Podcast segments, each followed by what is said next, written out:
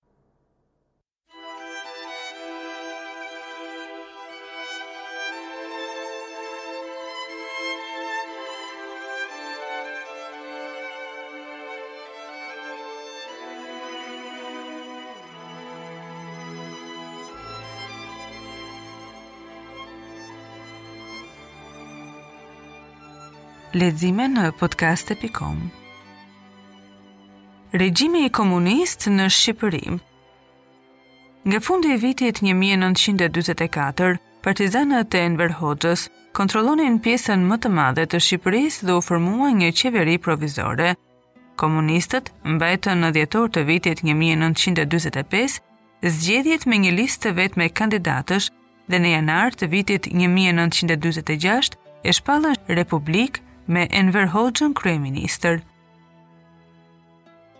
Në periudhën 1944-48, Shqipëria kishte lidhje të ngushta me Jugosllavinë, që kishte ndihmuar për krijimin e Partisë Komuniste të Shqipërisë. Pas prishjes së Titos me Stalinin, Shqipëria u bë aleat i ngushtë i BRSS.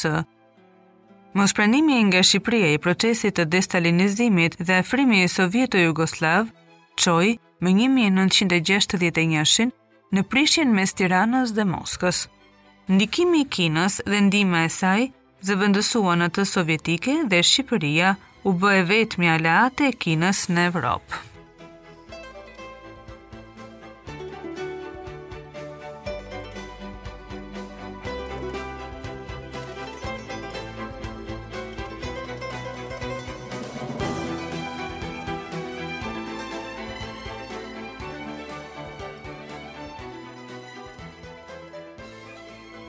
Shqipëria u tërhoq që nga veprimtaria e Këshillit të Ndihmës Ekonomike Reciproke dhe pas pushtimit sovjetik të Çekosllovakisë më 1968-ën, u tërhoq edhe nga organizata e traktatit të Varshavës.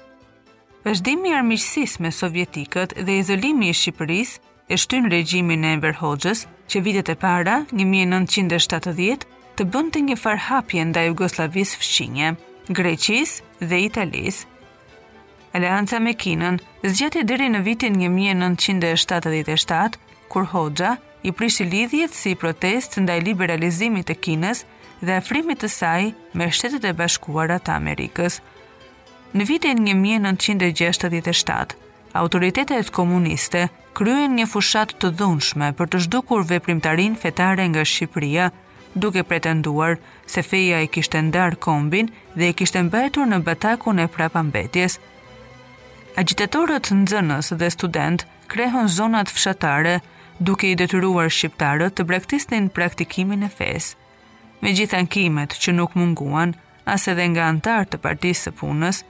Nga fundi i vitit, të gjitha kishat, xhamitë, manastiret dhe institucionet e tjera fetare u mbyllën dhe u kthyen në magazina, palestra apo punishte. Fushata kulmoi me një deklaratë se Shqipëria ishte i vetmi vend ateist në botë, që Enver Hoxha përpiqej ta shiste si një akt heroik dhe një nga arritjet e tij më të mëdha. represioni ndaj kryetarëve të fiseve, kolektivizimi i bujqësisë, industrializimi, lëvizja e popullsisë nga kishin bazën në qytet dhe shtypja e fesë i thyen lidhjet tradicionale fisnore në Shqipëri që i kishte bazën në familjen patriarkale.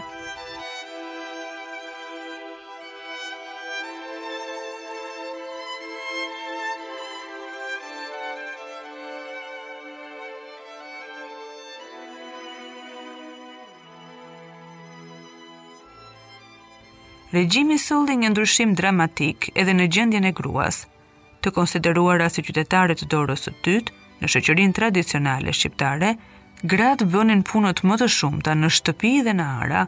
Pas luftës së dytë botërore, rreth 90% e grave shqiptare ishin analfabete dhe në shumë zona Ato konsideroheshin thjesht plaçkë sipas ligjeve të lashta fisnore.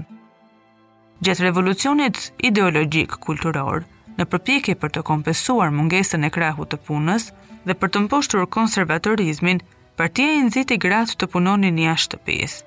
Hoxha vetë deklaroi se kushdo që shkelte urdhrat e partisë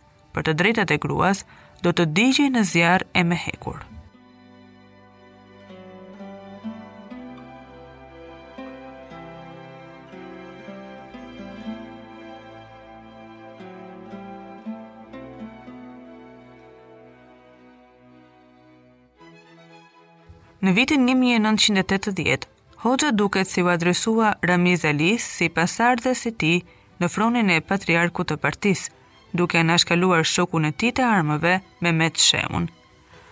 Ai u përpoq të bindte Shehun të hiqej mënjanë, por kur nuk e arriti, ngriti kundër gjithë byronë politike, që e kritikoi rëndë se kishte lejuar fejesën e djalit të tij me një vajzë me biografi të keqe. Shehu u tha se vrau veten në 18 dhjetor të vitit 1981, por ka patur gjithmonë dyshime që ai është eliminuar. Në vitin 1983, Hoxha ishte gati në pension dhe Alia mori përsipër drejtimin e Shqipërisë. Kur Hoxha vdiq më njëmbëdhjetë prill të vitit një mijë e nëntëqind e tetëdhjetë e pesë, ai i la Shqipërisë një trashëgimi represioni, prapambetje teknologjike, izolimi dhe frike nga bota e jashtme. Shqipëria ishte vendi i fundit në Evropën Lindore, që në vitet e para 1990 nisi tranzicionin nga regjimi komunist në sistem demokratik.